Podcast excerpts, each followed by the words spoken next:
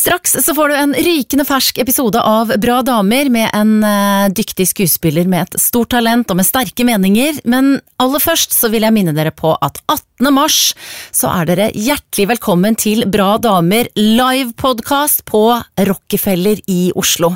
Og jeg er utrolig stolt over å få lov til å lage podkast der, og jeg er utrolig stolt over gjesten min. Flere ganger Spellemannvinner, dama med en av landets mest uttrykksfulle stemmer, artist, låtskriver, moldenser og tidligere kretsmester i rytmisk sportsgymnastikk, Ane Brun. Og jeg gleder meg altså kjempemasse til å prate med Ane, og vil du komme og høre på, så finner du billetter på Ticketmaster. Og så skal du ikke se bort fra at det dukker opp noen andre bra damer på scenen også denne kvelden. 18. mars, Ane Brun, Ticketmaster, vi ses!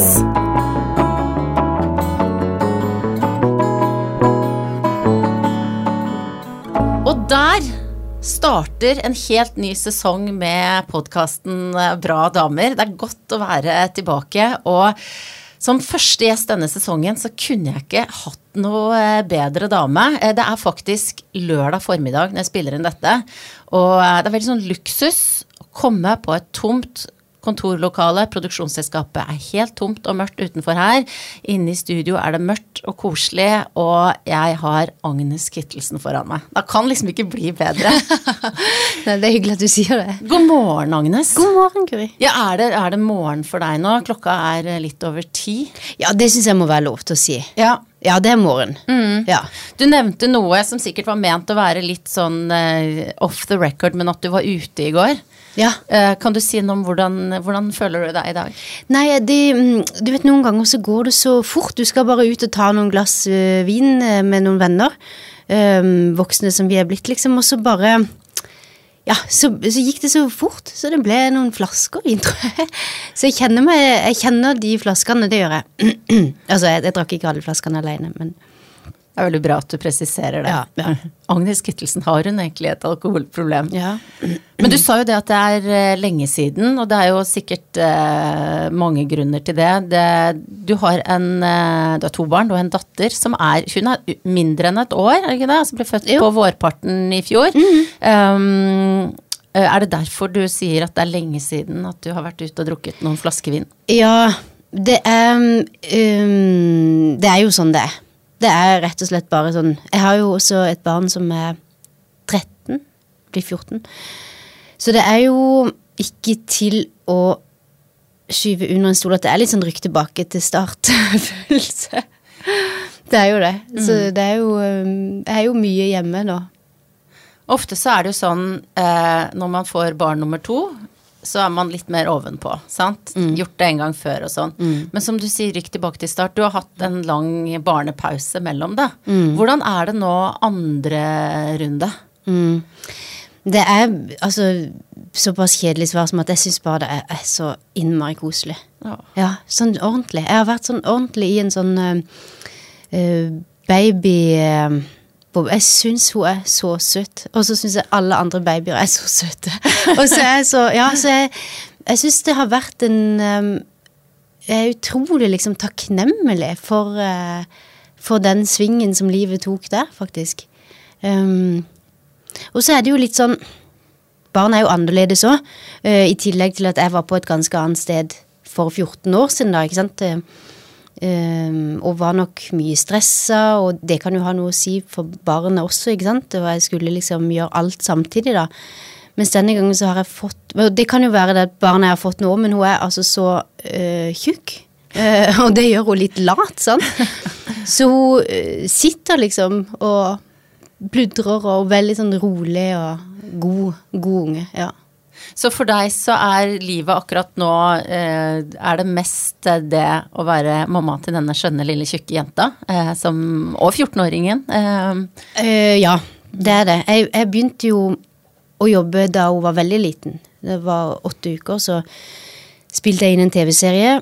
Um, og så tenkte jeg liksom at det skal jeg gjøre, og det skal jeg få til, men så etterpå så skal jeg ta liksom virkelig mammapermisjon. Og det, det syns jeg har klart. Ja. Mm, for det er jo ikke bare bare i din jobb, eh, frilanserlivet, og du må på en måte styre din egen karriere, da. Eh, hvor vanskelig har det vært å, å, å ta den pausen? Um, for meg selv har det vært veldig lett. Um, jeg følte både at jeg trengte den, og at jeg hadde lyst på den, liksom. Um, mens for omgivelsene så er det litt sånn Ja. Jeg tror folk tenker sånn Ja, men du har mammapermisjon, så du har jo all tid i verden, liksom. Men så er det jo en 110% stilling å ha en liten baby. Det er det jo.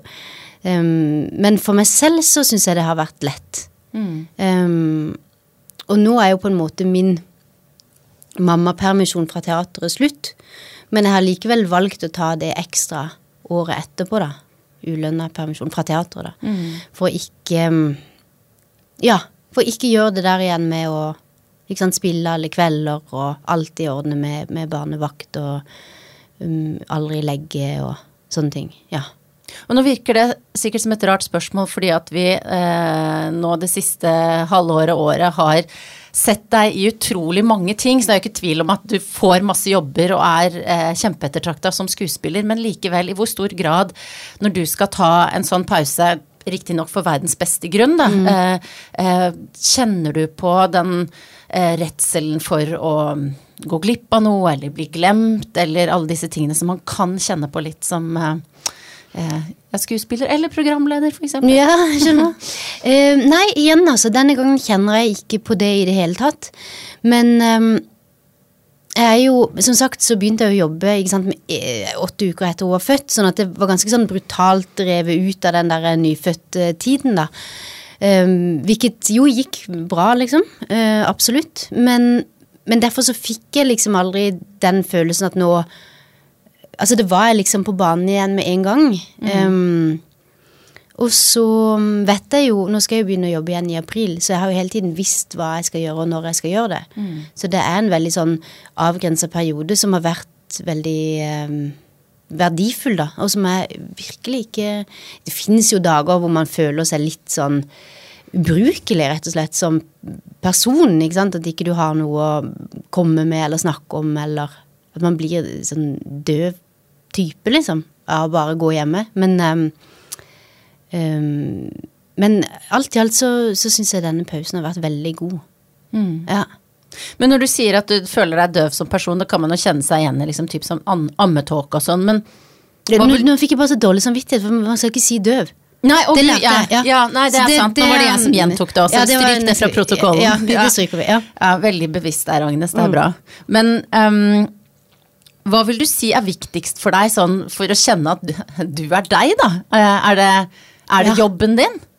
Den som definerer deg? Ja, det er faktisk et interessant spørsmål. Mm, og det er jo litt de tankene jeg har gått og balt med på dårlige dager. Liksom At jeg føler at jeg mister liksom bunnen i, i uh, hvem jeg er, liksom. Og hva har jeg å bidra med, og hva kommer jeg med til bordet, liksom. Så det jeg definerer nok meg selv i ganske stor grad ut ifra hva jeg gjør. Eller liksom at jeg må produsere noe. Mm. Um, det gjør jeg nok. Um, mer enn Altså, man er jo mange ting, er man ikke det? For jeg skulle til å si mer enn det å være mor, men det er man jo også, liksom. Mm.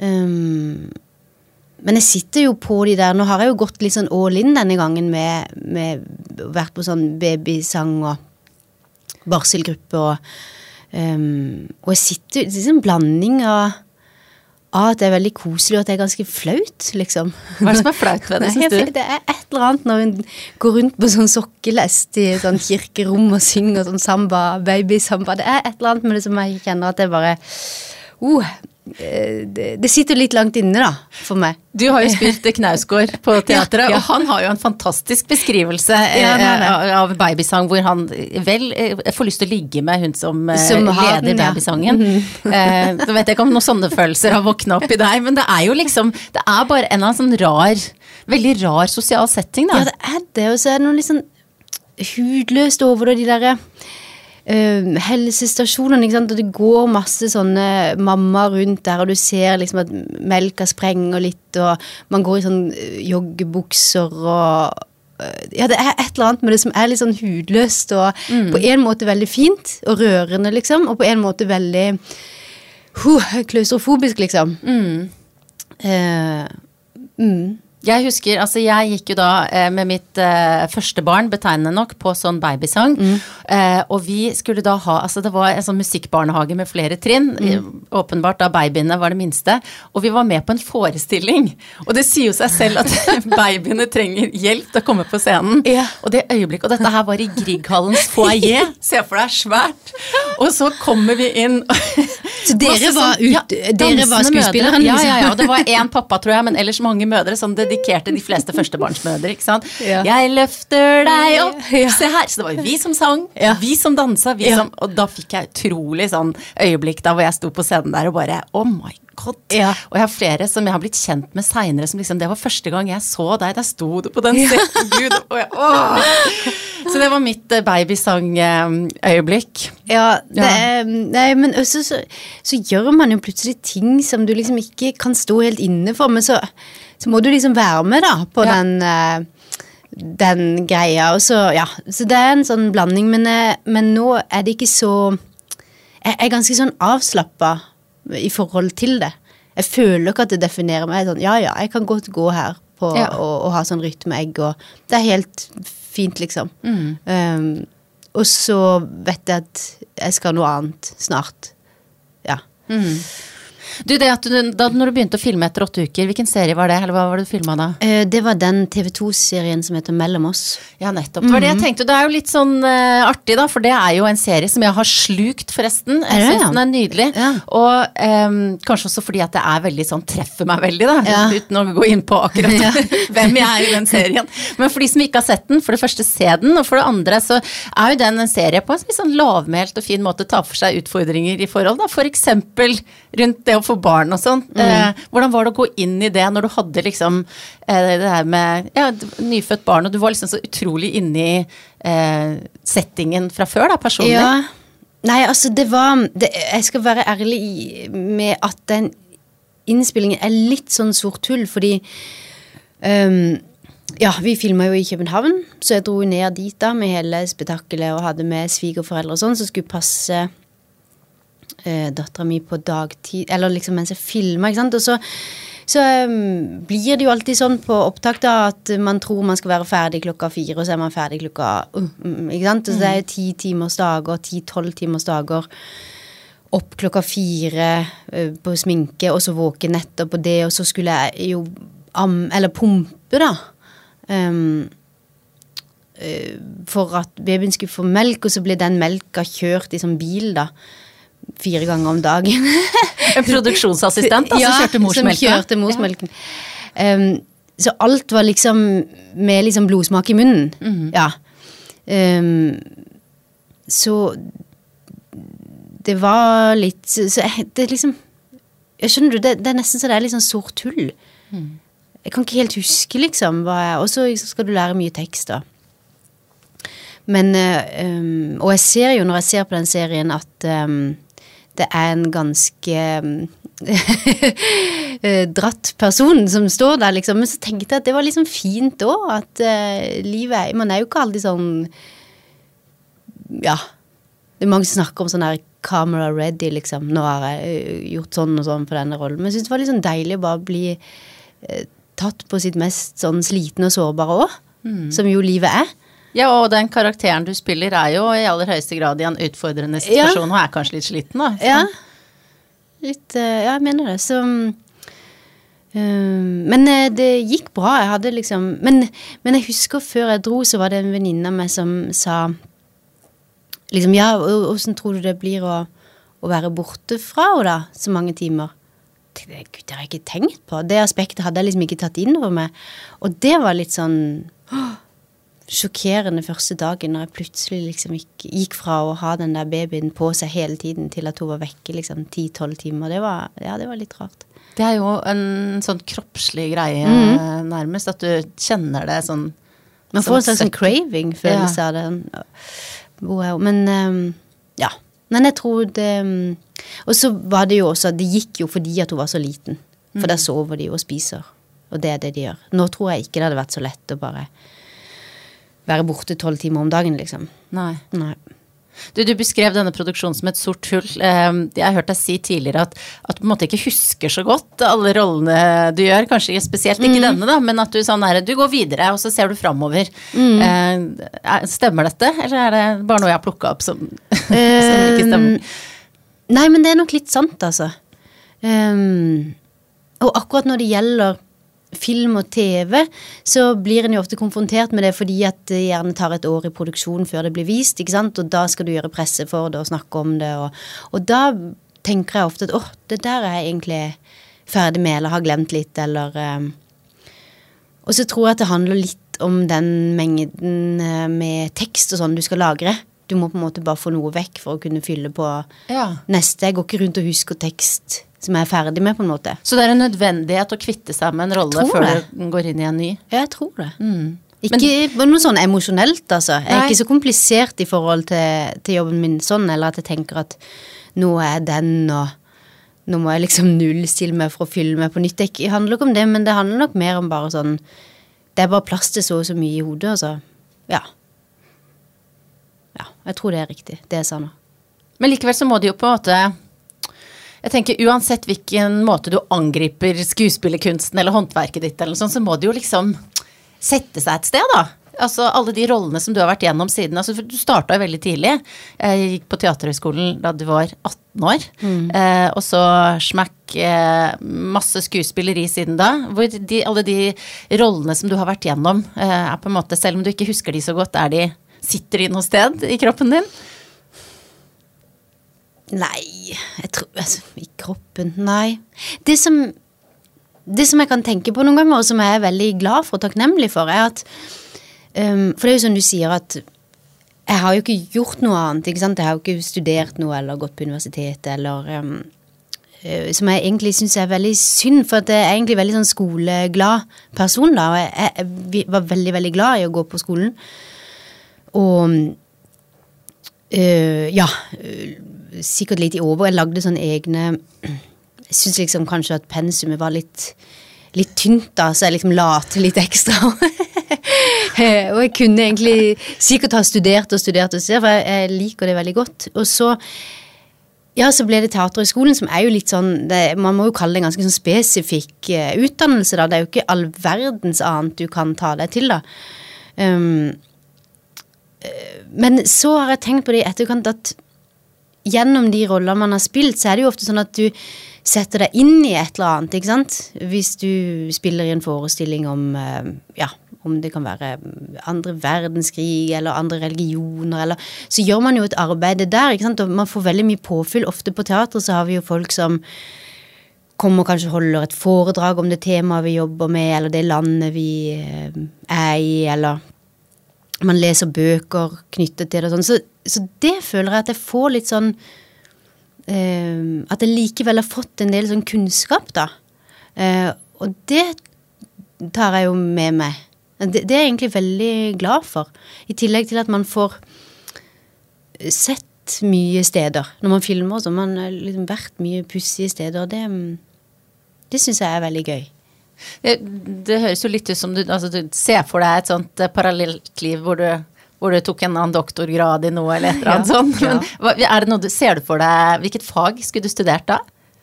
Um, altså, jeg ser ofte for meg masse parallelle liv. Mang, ja, ja, ja, er du gæren. Det er det jeg bruker mest tid på alt, tror jeg. Det er å dagdrømme sånn at jeg, jeg bor på Tåsen og eh, kanskje jobber i skoleverket eller er sykepleier. så jeg har mange sånne drømmer. Men ehm, Og her om dagen så så jeg på det der nydelige programmet Datoen. Ja. Ja. Som jeg syns er så fint. Og der var det en mann som var bibliotekar. Og da tenkte jeg det er jo det. Ja. Det er bibliotekar jeg kunne ha vært, liksom. Det der å omgi seg med de bøkene og sette ting i system, og så plotte inn det systemet på en datamaskin. Veldig sånn satisfying, liksom. Ja. Ja. Og veldig konkret, da, på et vis. Men samtidig liksom tenk på hva slags rom et bibliotek er. Det er jo helt vilt. ikke sant? Tenk på alle de historiene og kunnskapen og alt det. ja. Så det mm, kunne jeg egentlig ha tenkt meg. Men ellers kunne jeg igjen bare studert det. Kunsthistorie og vanlig historie og litteratur Bare for å fylt på, fylt på. Ja. Mm.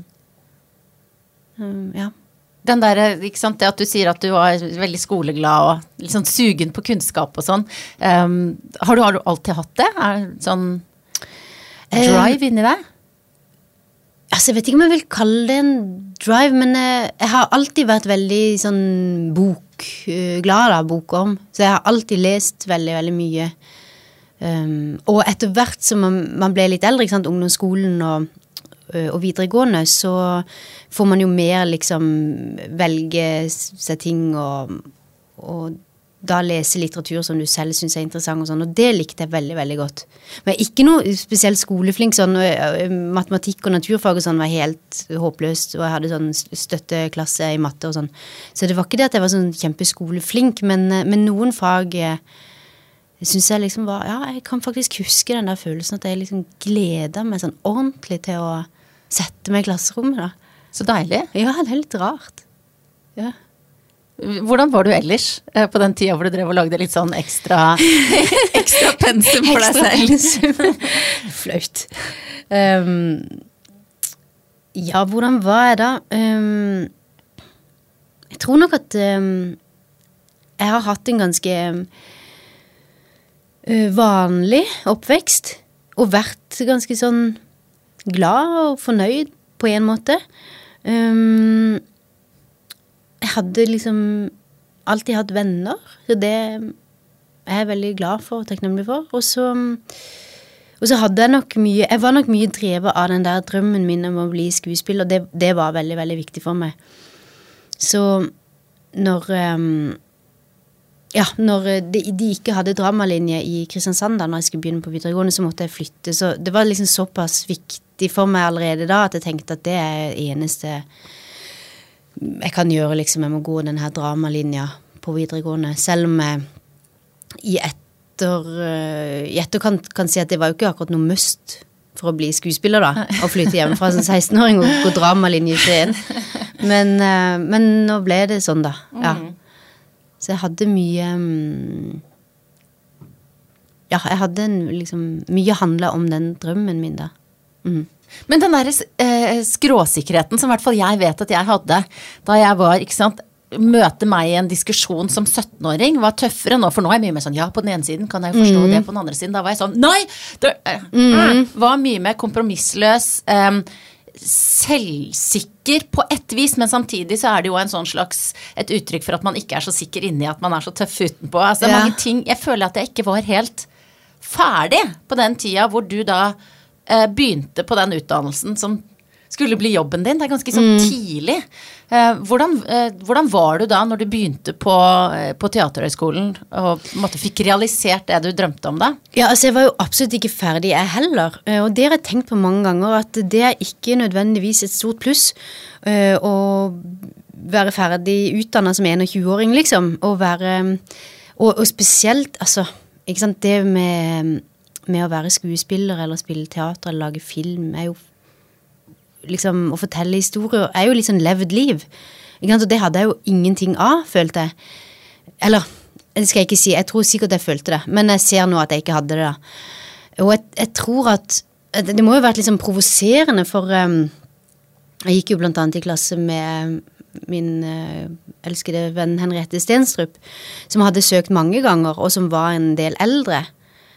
Utrolig provoserende å se en sånn 18-åring som kommer inn fra sidelinja og er litt sånn «Nei, Jeg vet ikke Ja, jeg liksom hadde tenkt Fordi Teaterhøgskolen var liksom aldri mitt mål. Jeg, jeg tenkte at jeg skulle til utlandet, egentlig. Og, sånn. og jeg visste ikke så mye om det, ikke sant? for at det var litt sånn gudsord fra landet, tror jeg. Um, jeg jeg hadde ikke helt hørt om Statens teaterhøgskole og sånn, så det var først når jeg gikk på videregående her i Oslo at noen øh, sa, fortalte meg om det, da, og skulle begynne å søke der, og da tenkte jeg da kan jo jeg òg søke, da. Så mm, jeg føler vel at jeg kasta bort litt tid på å være litt sånn Ja, eller så når jeg tenker på Henriette, da, for eksempel, så hun var klar for å jobbe fra dag én. Så begynte hun å jobbe eh, metodisk, liksom, for hva hun ville oppnå på de årene der. Um, mens jeg var nok mer litt sånn hit og dit og Ja. Så um, Men syns hun at du var provoserende? Har du spurt henne om det? Nei, det skal jeg gjøre. Jeg, jeg vil jo anta det.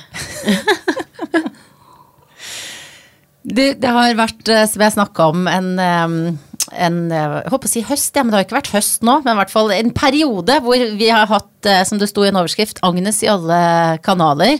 Og det kanskje folk flest har snakka mest om, er jo Exit.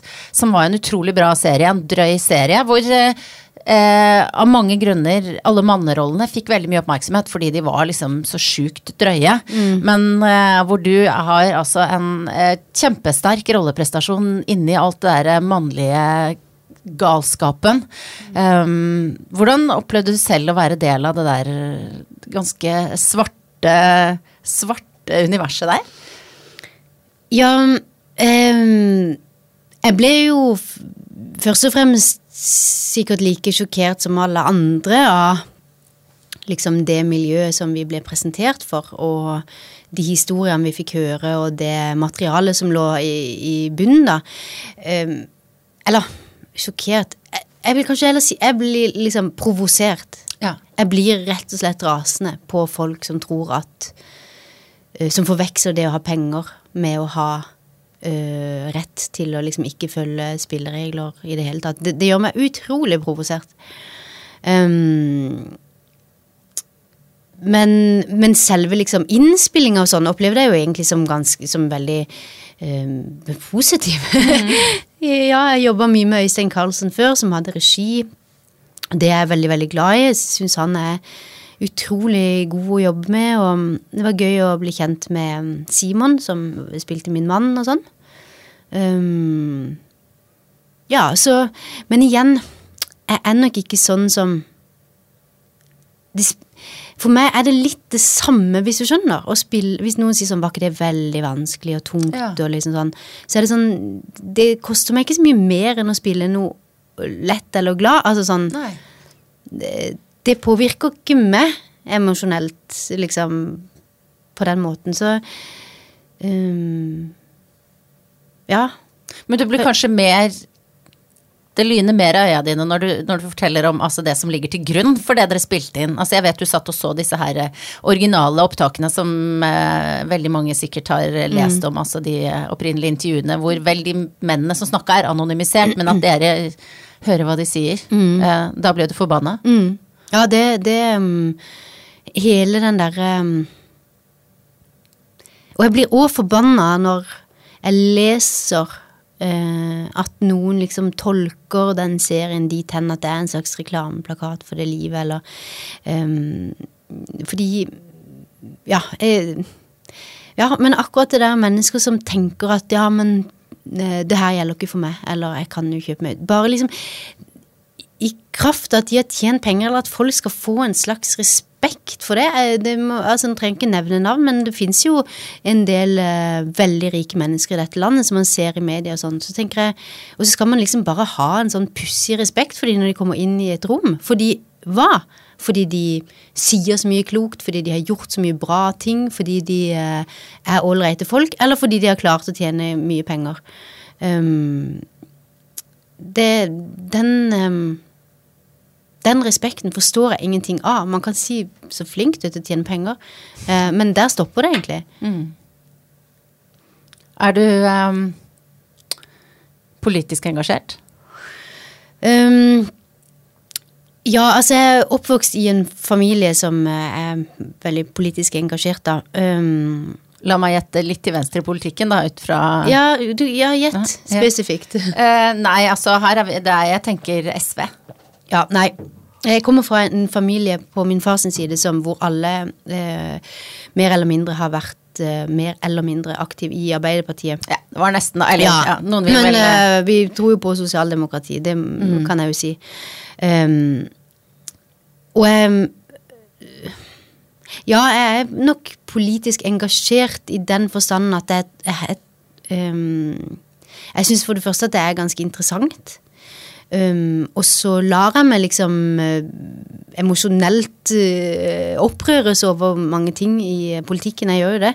Men um, um, jeg, jeg, tror det er viktig at vi bryr oss. Jeg tror det er viktig at vi stemmer. Jeg tror det liksom, jeg, jeg, har, jeg kjenner ingenting av den der politikerforakten. Jeg tenker liksom at folk som velger å bruke livet sitt for noe de tror på, er jo i bunn og grunn bra. Og så blir det ikke alltid så bra i praksis, men um, Men um, ja. Og nå kan jeg liksom høres litt sånn kategorisk ut, og det er jo ikke det at ikke det fins folk med mye penger som gjør mye bra. For det gjør det jo. Men jeg mener jo samtidig at hvis du har en så stor del av kaka, så medfører det et ansvar som jeg opplever at veldig mange ikke tar, da. Mm. Um, Og heller kanskje ikke forstår at de bør ta. nei, og, og kanskje liksom dra det enda lenger. Til at da trenger jeg ikke å gjøre noen ting. Fordi at jeg har, jeg har jo så mye penger, liksom. Og disse mennene som da blir eh, portrettert i, em, i Exit, det fins liksom ingenting ved de som jeg egentlig opplever som besnærende, liksom, eller eh, Jeg syns det em, De em, Ja, det em, Fint hus, da. Fine hus. Men uh, jeg er ikke så sugen på å bo der med en av de, altså. det skjønner jeg godt.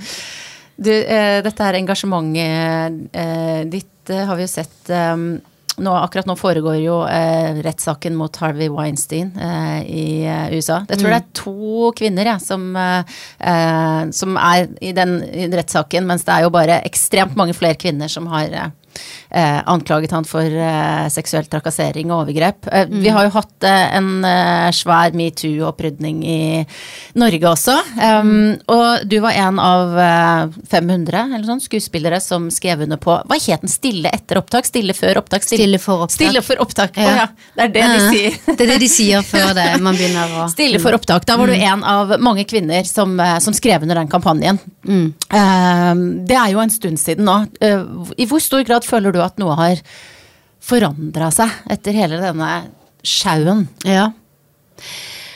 Ja. Um, nå må jeg si det at i utgangspunktet så følte ikke jeg meg sånn uh, I det daglige, liksom ehm, Altså i det daglige på eh, jobb, om det så er på filmsettet eller på jobb ved teatret, så opplever jeg eh, at jeg har hatt det veldig bra, og at jeg har blitt møtt med respekt, og at Ja. Så, mm, men så fins det noen store, liksom overordna linjer som jeg var liksom opptatt av da, eh, som handler om eh, liksom bare hvordan vi har uh, rigga systemet, da, som jeg syns er fryktelig um, urettferdige. Jeg vil tro men ja, altså tilbake til spørsmålet litt. Ettersom jeg ikke har opplevd så mye av uh, de tingene sånn tett inn på kroppen, så kan jeg heller ikke si at forandringa er blitt så stor. Men jeg føler at jeg har et eller annet nytt i ryggen. Um, vi har jo snakka mye om i forhold til dette med lønn og sånn. Uh, så kan du si at mange av mine mannlige kollegaer kan liksom lett komme til om det er en sjef eller om det er en produsent og si 'jeg skal ha det og jeg skal ha det', og det skal være sånn og det skal være sånn og det skal være sånn. Og så blir de oppfattet som at de uh, vet sin egen verd, liksom. At de um, er eh, bevisst og står på krava og sånn. Men hvis jeg kommer inn og gjør det samme, så er jeg veldig vanskelig. Og kanskje grådig, liksom. Men veldig vanskelig person, da. Eh, den, den tror jeg snur. Um, og jeg bryr meg ikke så mye heller, skal jeg være helt ærlig. Jeg, jeg tenker sånn, jeg vet hva, jeg snakker akkurat like høyt som eh, dere rundt bordet her. Eller jeg ber om nøyaktig det samme som han skal ha. Eller liksom sånn.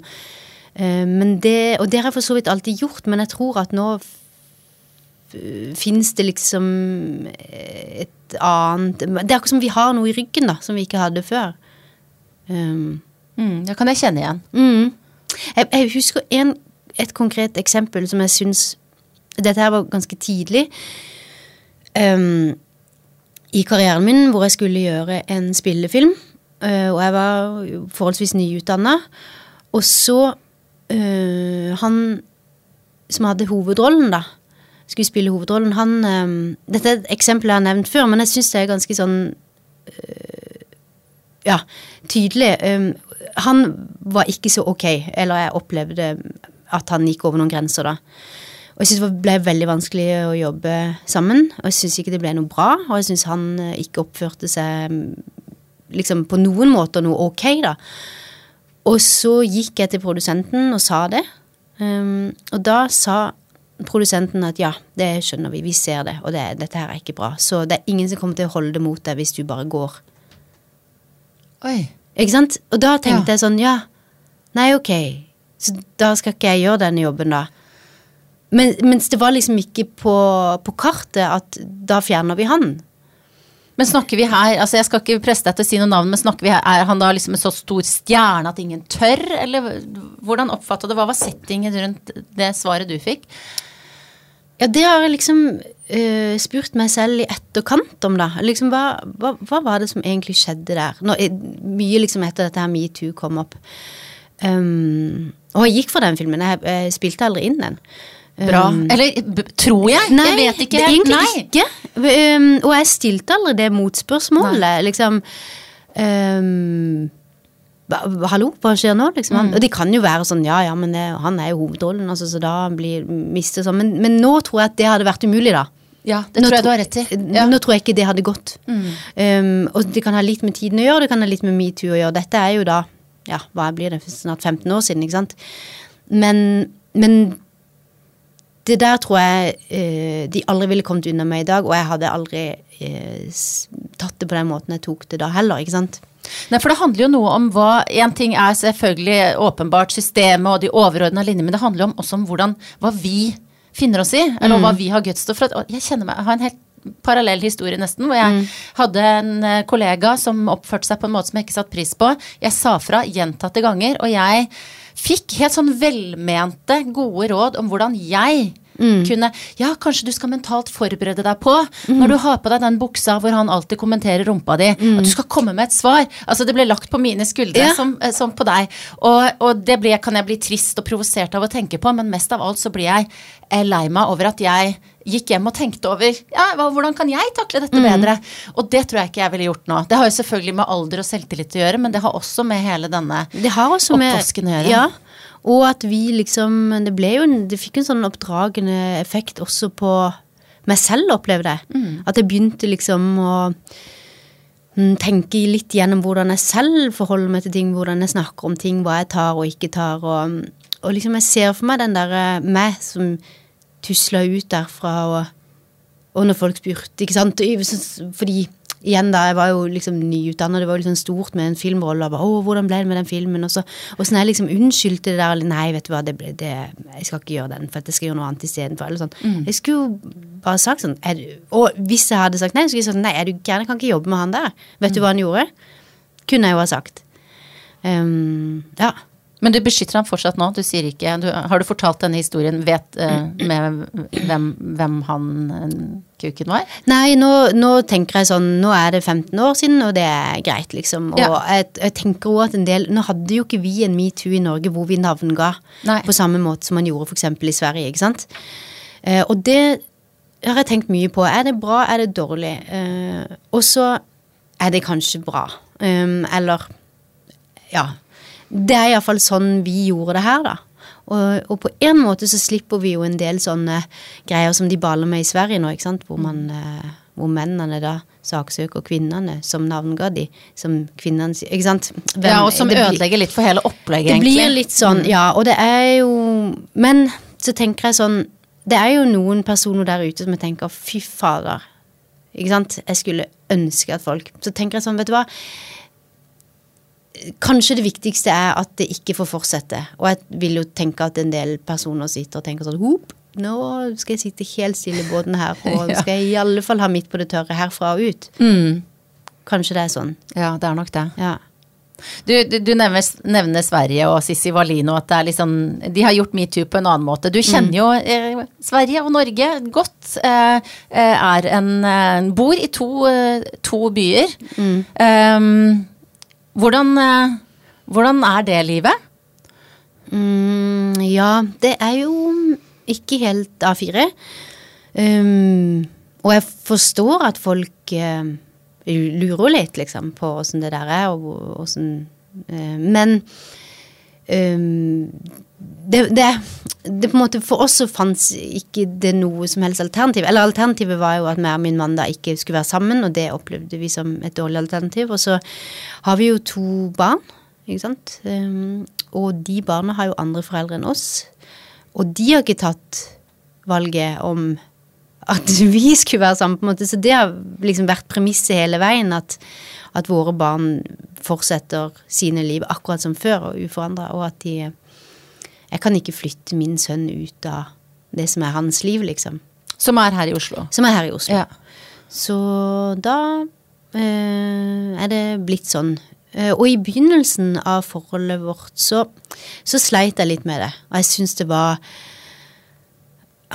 alle disse her tingene som eh, Ja, jeg følte meg veldig som på hans banehalvdel når jeg var i Stockholm, og var redd for at han skulle ikke ha det bra når han var i Oslo. og og, at, og vi får liksom aldri noe sånn ordentlig hjem, og det her blir ikke A4. Til jeg liksom innså at nei, det blir det faktisk ikke. Og nå velger jeg um, å se på det som en tilgang istedenfor.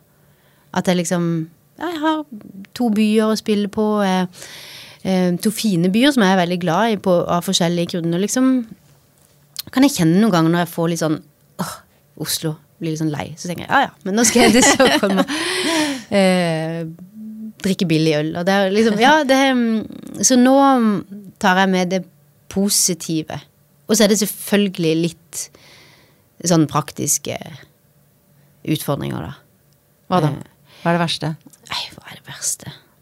Nei, vet du hva som er det aller verste? Og som jeg egentlig ikke Det er veldig, veldig vanskelig å sitte og si. Men det verste er jo at vi flyr. Ja. Mm. At jeg må fly hjem, liksom. Um, og det Ja, det, det er skikkelig kjipt. Og det gjør jo at jeg ikke kan si noe som helst om klima i noen sammenheng. ikke sant? For det spiller ingen rolle hvor eh, lite kjøtt jeg spiser, eller hvor mange grønne poser jeg kaster, liksom. Så det, det er kjipt. Så vi har prøvd eh, med tog og sånn. Og der, det, de har ikke gjort det lett, altså. Jeg har vel aldri kommet fram med toget på tid. Eller, med, også, eller at det ikke har vært buss en viss strekning og sånn. ikke sant? Og så skal du ha med baby og, og kan ikke sitte på buss med vogn. Altså, ja. Så det, det blir mye mm, fly. Her er jo, ikke sant, den politisk engasjerte Agnes, her er jo liksom, kunne man jo hatt en lengre diskusjon om eh, hvor ansvaret ligger. Om det er eh, på dine skuldre som person, sant, eller om det er da eh, politikerne som eh, bør sørge for at det toget begynner å gå Ja. på tida og litt fortere og litt oftere, sant. Men, jeg eh, vet, men det, kanskje... det blir liksom Jeg kan ikke sitte her og Altså Til syvende og sist er det meg som setter meg på det flyet til Stockholm flere ganger i måneden. ikke sant? Så ja, så det der må vi bare Vi må bare rett og slett håpe på en endring i det. At det kommer eh, en bra togforbindelse og uh, mm. Og så er det jo sånn nå, sånn som vi snakka om før vi begynte opptak her, at um, barn blir eldre. Ja. Det er en ny Rett opptakelse for meg. Årene går, og sønnen min blir eldre og eldre. Det er helt merkelig. Men det er klart at nå Det er ikke så lett når man har en Altså når, når jeg hadde lite barn, da, eller liksom, så tenkte jeg at nå er livet sånn. Jeg kommer jo, altså jeg har jo en seksåring, og jeg har en syvåring, og sånn er det, liksom. Men så er det jo ikke sånn. Um, og det er klart at eh, selv om man har en tenåring, så, så trenger han meg i um, masse. Eh, kanskje mer eh, enn noen gang før, jeg vet ikke. Men, men det tar jo også slutt, ser jeg, ikke sant. Om fem år så kan jo han Altså, skal vi si 14 Altså da Jeg flytta jo ut når jeg var to år eldre enn han, og flytta aldri hjem igjen, ikke sant. Ikke at jeg håper at han gjør det, men, eh, men det er litt sånn Ingenting er for alltid, da. Du, når du sier oss, eh, så er det jo eh, deg og mannen din, eh, Lars Winnerbäck, som veldig mange Å ja, han, ja! Sant? Han er rett og slett en rockestjerne. I, i Sverige så er han sånn Han er sånn Alle vet hvem han er. Eller nå, dette, nå spør jeg, for jeg er ikke helt sikker, men hvis du skal være litt sånn ubeskjeden på din manns vegne. Skal jeg være det? Uh, ja. Ja, i Sverige vet alle hvem han er. Ja. Hvordan er det å gifte seg med en som alle vet hvem er? Altså, du er ikke gærent profilert sjøl, men det er liksom den der rockestjernegreia. Ja. Um, det er, det er skal jeg være helt ærlig, ja, det skal jeg være. Um, Det er jo derfor jeg er her. Jeg syns det er litt vanskelig. Uh, Eller jeg syns det har noen utfordringer. Jeg må si det. Um, et, vi tenker jo selvfølgelig ikke spesielt mye på det i dagliglivet vårt, eller uh, snakker om det. Det er jo ikke sånn, men eh, Og jeg syns det er veldig, veldig selvfølgelig både imponerende og flott at at han berører folk og betyr masse for folk da, liksom med, med hans tekster, og det ser jeg jo eh, at han gjør. Det, men jeg, jeg klarer liksom likevel ikke å Altså, jeg blir litt beklemt av det, da, tror jeg. Ja. Eh, Det er jo veldig mye I Sverige òg er det liksom kanskje en litt annen kultur. Det er litt sånn, Folk kommer veldig mye bort, da. Er veldig sånn oppsøkende, og det Selvfølgelig igjen er jo bare hyggelig tenkt av folk, da. Men jeg blir eh, både litt sjenert av det og syns liksom Jeg blir litt beklemt. Og så Når han spiller kjempestore konserter eller fyller Globen, liksom, så er det Og alle damene er sånn gærne, liksom. Så syns jeg det er litt både og. Ja, hvor er du da, når de står på første rad og hyler? Eh, hvor befinner du deg helt sånn eh, fysisk da? Er du liksom Ja, backstage? det er ikke så veldig ofte jeg er med, men eh, for eksempel nå i høst når han spilte i Globen, når det var turnéavslutning, så måtte jeg jo liksom være der. Nei, da sitter jeg jo på, på sitteplass, liksom. Eh, ja, ser på, og selvfølgelig er jeg jo interessert i å se hvordan kvelden hans går, da. Om, eh, ja, at det liksom, hvordan blir hans forestilling i kveld, det er jeg jo interessert i, men eh, det er jo eh, Nei, det er litt dobbelt, altså. Jeg sitter jo og er litt stolt og litt ja, liksom. Det er jo veldig mye damer, da. Ja, men du liksom, Blir du urolig, eller? Blir du sjalu, eller irritert? Nei, ja. Jeg blir ikke urolig, men um, jeg blir litt sjalu, kanskje. Ja. Eller, eller sånn eh, Nei, jeg blir ikke det heller. Jeg blir um, Jeg vil ikke spørre, Blir jeg irritert? Er det det jeg blir? Nei, det er bare litt sånn parallelt, fordi han er jo liksom Mannen min, og det er jo veldig lite eh, som minner om den rockestjernen hjemme, da. Mye. Vi er jo småbarnsforeldre og tasser mye rundt i mm, sokkelesten, liksom. Men, eh, men mest av alt så er jeg selvfølgelig glad for at han får gjøre det han er så glad i å gjøre i den skalaen, da. Mm. For det er klart at det, det Når man har stort publikum, så kommer det mye ressurser, så han kan ha det bandet han vil ha, og de turneene han vil ha. Mm. Ja. Kommer meg unna dette? Ja, jeg, vet du? Jeg har bare sånn bilde i hodet hvor jeg ser deg sitte sånn Sitte sånn Ja. rolig, prøvende og kontrollert og se på de derre Mm. skrikende svenske damene. Men det du må tenke da, er bare sånn derre Ja ja, damer. Jeg vant. Ja, ja. Tenker du det? Ja, på, på en måte, altså, som jeg håper at eh, de aller fleste gjør med sin eh, eh, partner av noe slag, så føler jeg at jeg har vunnet, ja. Er du gæren? Mm. Jeg har fått en utrolig fin mann. Og Ja, det han handler veldig- selvfølgelig veldig skjønn. Ja, han er veldig skjønn. Det handler selvfølgelig ikke om at han er rockestjerne, men, eh, men at jeg føler at jeg vant han, liksom. Mm. Jeg så nå, før jeg skulle møte deg, så så jeg et gammelt opptak av dere to på Skavlan. Oh, ja. Ja. Husker du det? ja Hvor han sang, eh, sang eh, 'Jeg har kjøpt meg bil'. Jeg kjøpt en bil, ja. Mm. Eh, og, og det er et sånt veldig sånn litt sånn stotrende på en bra måte intervju hvor han svarer veldig sånn enstavelses på en Ja, søt måte. Tenker han som podkastgjest. Ja, men samtidig så er han ikke avvisende. Det, det var- litt sånn eh, søte, beundrende på hverandre. Ja, jeg syns det var veldig ja. Jeg kunne se at ehm, selv om det sikkert Jeg vet ikke, så for meg at det satt langt inne for dere å være kjærestepar på et talkshow, så var det veldig Det var et fint eh, TV-øyeblikk, syns jeg. Ja, ok. Ja, men det er godt du sier. Ja, eh, Han er jo ikke noe eh, særlig eh, pratesalig sånn, da. Han gjør jo lite. Gjør lite presse generelt. Ja. Ja.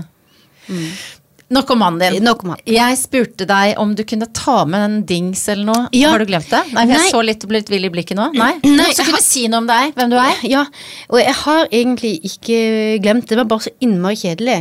Um, fordi Jeg tenkte litt på det, eh, apropos dette her med å flytte og sånn frem og tilbake. Um, så tenkte jeg sånn, hva er det jeg har med Hva, hva slags ting er det jeg har? Um, så blir det sånn, har vi noen ting lenger? For det, jeg har ingenting med meg. Jeg, altså, jeg har jo litt klær, selvfølgelig. Men nå har jeg litt klær i Stockholm òg. Så jeg har egentlig ingen greier. Man har telefonen sin. Um, og så har jeg sånne øreplugger til telefonen. Det er de to tingene som jeg liksom virkelig må ha. Og så har jeg en god gammeldags almanakk. Å ja, du Ja. er der, ja. Ja. Og skal jeg ta den fremme? Det sier litt om hvem jeg er, både fordi at jeg har et enormt eh, behov for kontroll. ja.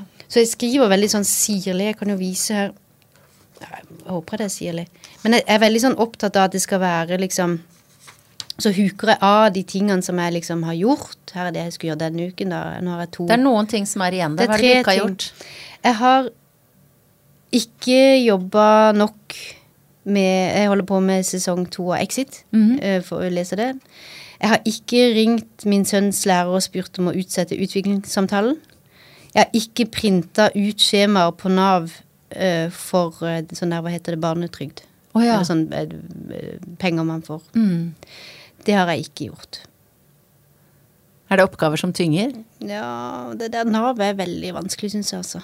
Herregud. Jeg satt en time i kø for å få snakke med en sånn fyr, da. Er ikke det et Som skulle liksom hjelpe meg gjennom det. Fordi det fins ingen mennesker lenger. Jeg har vært nede på Nav nå og sett etter et menneske av kjøtt og blod, liksom. Men det sitter bare en i resepsjonen og sier ja, vi har noen datamaskiner, men jeg, altså, du, det går ikke. Jeg, og jeg er så dårlig på data, og derav også denne her almanakken.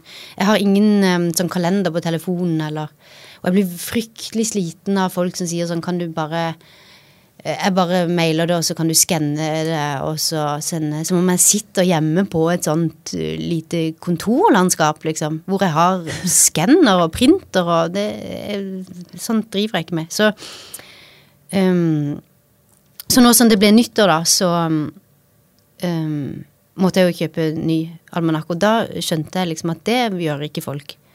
Nei, det er ikke så mange som holder holder på med det. nei. Altså Søsteren min og moren min er veldig sånn som deg, fan av å skrive ned og sitte og bla og stryke ut og sånn. Ja. Mm. Så jeg, Men det er ikke noe folk driver med, skjønte jeg. For de var litt sånn, ja, tenkte du en, kal altså en kalender? Nei, en sånn filofax, eller sånn, ja, vi har vel noe. Veldig, ja. Men den har du med deg overalt og skriver Altså hadde du skrevet at du skulle hit, eksempel, er det liksom Ja. sånn allting som mm, Ja, så du har uh, uh, Alt må ned der. Alt må ned der. Ja. Ja. Eh, og det gir deg Hva gir det deg? Uh, nei, altså, for det første så gir det meg jo det at jeg kom hit i dag, liksom. Ja. um, for um, Og det merker jeg litt sånn med den babybobla, at man er jo ja, ikke sant, du, du svarer på noe Det går liksom litt hit og dit, og det er fryktelig mye jeg glemmer. Så jeg, er helt avhengig av å skrive det ned for å huske hvor jeg skal være når, liksom. Um, og så har jeg jo veldig mye Jeg er sånn som legger meg på kvelden, og så kverner det, liksom. Og så bare kverner det og kverner og kverner, og så er det liksom tannlege og Så da, da gir det meg jo at jeg får det ned på papir, at jeg får en oversikt. Og så kan jeg da stryke ut når ting er gjort. Ja. Og så sovner du? Og så sånn, ja. Ja. Mhm. Jeg har jo tre kjappe spørsmål. Eh, Ja. Nå er det jo ny sesong, kanskje jeg skulle finne på noe nytt? Ja ja, det blir ikke, blir ikke i dag, i Det hvert blir fall. dag, nei. Da blir det Hva spiste du til frokost i dag, Agnes? I dag spiste jeg yoghurt og granola. Er du et Det kom veldig sånn kjapt. Er det dette sånn vane Er du et vanemenneske? Ja. Jeg tror ja. Ja, Ja. ganske, altså. Men nå spiser jeg innmari mye yoghurt og granola jevnt over, liksom, for det går så fort. Um, og jeg er så dårlig på å lage mat, så jeg spiser egentlig bare middag når min mann er her. Hva gjør du ellers, da? Jeg spiser yoghurt og granola. Ja. Det er ikke bra nok, eh, Agnes. Nei, det er ikke bra nok, jeg vet. Du trenger grønnsaker. Jeg vet. Og som sønnen min sa sånn, du er den eneste mammaen som syns popkorn er middag. Så jeg, ja, det er ikke den eneste. Er mannen din her nå sånn at du får middag i dag, eller blir det mer yoghurt utover eh, dagen? I dag eh, får jeg skalldyr av Henriette. Oi. Eller hva? Ja, altså, og da må du Altså Henriette eh, Stensrud, Ja. da må du spørre om du var provoserende. Ja, det skal jeg spørre om. Ja. Det skal jeg spørre om. Eh, Hvor lang tid brukte du på å finne ut hva du skulle ha på deg i dag? Og du du har altså en veldig lekker brus, bluse med sånn puffermer. Ja, jeg synes- og tranger. jeg Den var kjempefin. Veldig fin. Og veldig Agnes Kittelsen, føler jeg. Var Du er en veldig velkledd eh, dame. Oi, det var hyggelig sagt. Du har en sånn um, eh, eleganse over deg alltid. Oi. Oi, oi, oi. Ja, det har du ja, virkelig. det føler jeg virkelig ikke. Det er mye Gjør du ikke det? Nei. Jeg tenker, altså ikke sant, jeg, Men jeg ser jo deg stort sett når du er på TV eller ikke sant, men Ja. også når jeg har møtt deg eh, face to face. Ja. Alltid en eller annen. Ok. Ja, men det var hyggelig. Nei, det brukte jeg ingen tid på. For em, jeg, kom, jeg var jo som sagt ute i går. Altså gikk jeg hjem, tror jeg. og så uh, tok jeg av meg klærne ved senga, og så sto jeg opp og tok de på meg igjen. Ok, så for noen som møtte deg i går, så kan det være en slags sånn walk of At de tror at det er en slags walk, Walk of shame, ja. Når Ja. Jeg Kommer, ja, det er sant, det. Og så har jeg jo da ingen uh, sminke og øyekatarr. Så det ser litt sånn walk of shame ut, kanskje. Ja, fortsatt veldig Fortsatt så har du din Kittelsen-eleganse. Ja, Hyggelig. eh, og nå er det ikke smisk heller, for det er på slutten av samtalen. Så det er sant. Ja, det var veldig hyggelig. Du vet hva det siste spørsmålet er? Ja, nå Ja. hadde du sex sist. Mm. Um, ja, det, det er jo dessverre sånn at nå må jeg til å tenke. For vi er jo i en situasjon der det er sånn Vi er kommet dit hen at vi liksom eh, Dattera vår da skal sove i egen seng. Um, og så, ettersom vi da eh, bor som vi bor, så er jeg jo også en del aleine, da, i, em, i Oslo. Så jeg jo Har jo barna en del aleine, liksom. Em, så jeg er jo også veldig trøtt. Og så før jul så kom vi til et sånt punkt hvor jeg, jeg ikke sant, dro til Stockholm i jula. Og så skulle eh, Lars da legge barnet vårt for første gang alene, og så skulle jeg sove på et annet rom. Og da sovna jeg, boms, og så våkna jeg opp, og da hadde jeg altså øyebetennelse, ørebetennelse og halsbetennelse. Så vi gikk liksom sånn rett i, i bakken. Så i jula så sov jeg da um, på eget rom i 14 dager. Og så var det veldig deilig. så, så nå har det liksom blitt litt sånn at um, når jeg ikke har sønnen min, så å, jeg tror jeg legger meg inn der, og så leser jeg på senga og sånn. Så nå, nå er det lenge siden. Dette er ting jeg skal ta tak i. Det er litt som Det holder ikke med yoghurt og granola. Det holder ikke å, å ligge på sånn um, brisk inn på min sønns rom. Um, ja, så, så dette skal vi ta tak i. Jeg kan faktisk ikke si noen dato engang. Men det er ikke, det er ikke bananas, liksom. Lenge siden. Men uh, ja. Men det er jo litt sånn i den, eh, altså i livet generelt, men kanskje spesielt i den fasen av livet du er nå, da, med Ja. små barn og sånn, så er man må det er en jobb som må gjøres Ja, for at man ikke skal eh, svinne hen. ja, men det er litt interessant. Hvor mye sex tror du folk har, da? Altså, Ja, Jeg tror det er veldig er det- forskjellig, altså. Men eh, jeg, jeg syns ikke man skal behøve å ha sex hele forbanna tida. Det er liksom Det er jo det er kanskje, kanskje hver uke, eller sånn. ja. Noe sånt. Det, Er det, ligger noe, noe der, ja. Ja. ja, ja. Nei, men eh, det, du, skriv, skriv det på lista di. ja. Eh, Det kan jeg gjøre. Ja, Ligge med Lars. Ligge med Lars, og så kan jeg huke av sånn Iallfall skal vi si i løpet av helga, da. Ja. Ja, ja, det var topp det, da. Ja. Ja, du skal slippe å komme tilbake og rapportere. Men én ting til lurer jeg på, Agnes, før det går. eh, Og det er Hva syns du er en, definerer en bra dame? Hva definerer Men da tenker jeg sånn, er det liksom et, Det er ikke et spørsmål hva definerer et bra menneske, men det er Nei, det, altså, det er jo mange av de samme tingene. Det er jo ikke, ikke alltid så stor uh, forskjell. Nei, fordi på en måte så er jo det litt uh, to forskjellige ting òg, ikke sant? For det er jo egentlig hva er et bra menneske, kommer det masse kvaliteter opp. Men det å, å være en bra dame, tenker jeg da mm, skal det si noe om det, da? Liksom at man har det kjønnet man har. Um, ja um, Jeg syns at uh, Vi snakka litt om metoo i stad. Og, um, og en annen ting, da, som jeg opplever kanskje iallfall i mitt miljø, og da tenker jeg på arbeidsmiljøet jeg er i, da. Som skjedde i etterkant av det, er at det vokste frem en annen form for lojalitet oss eh, kvinner imellom, da.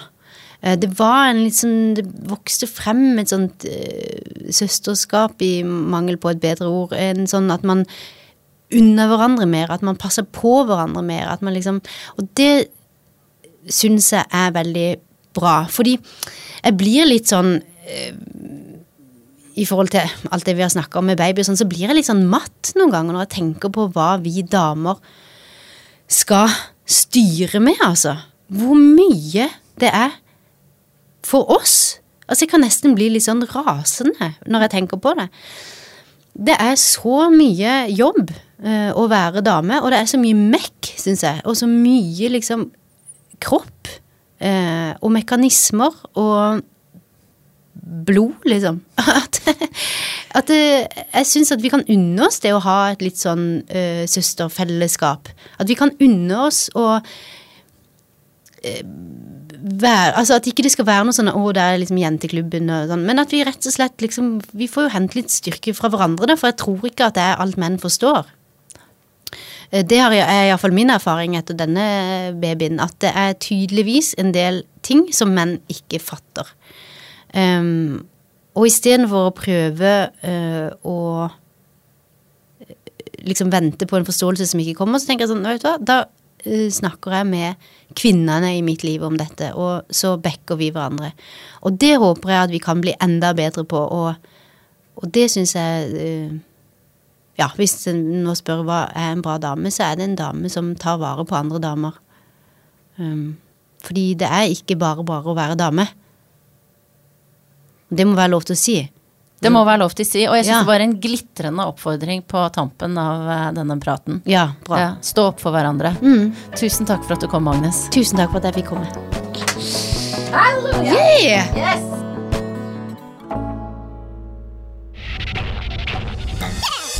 Monster.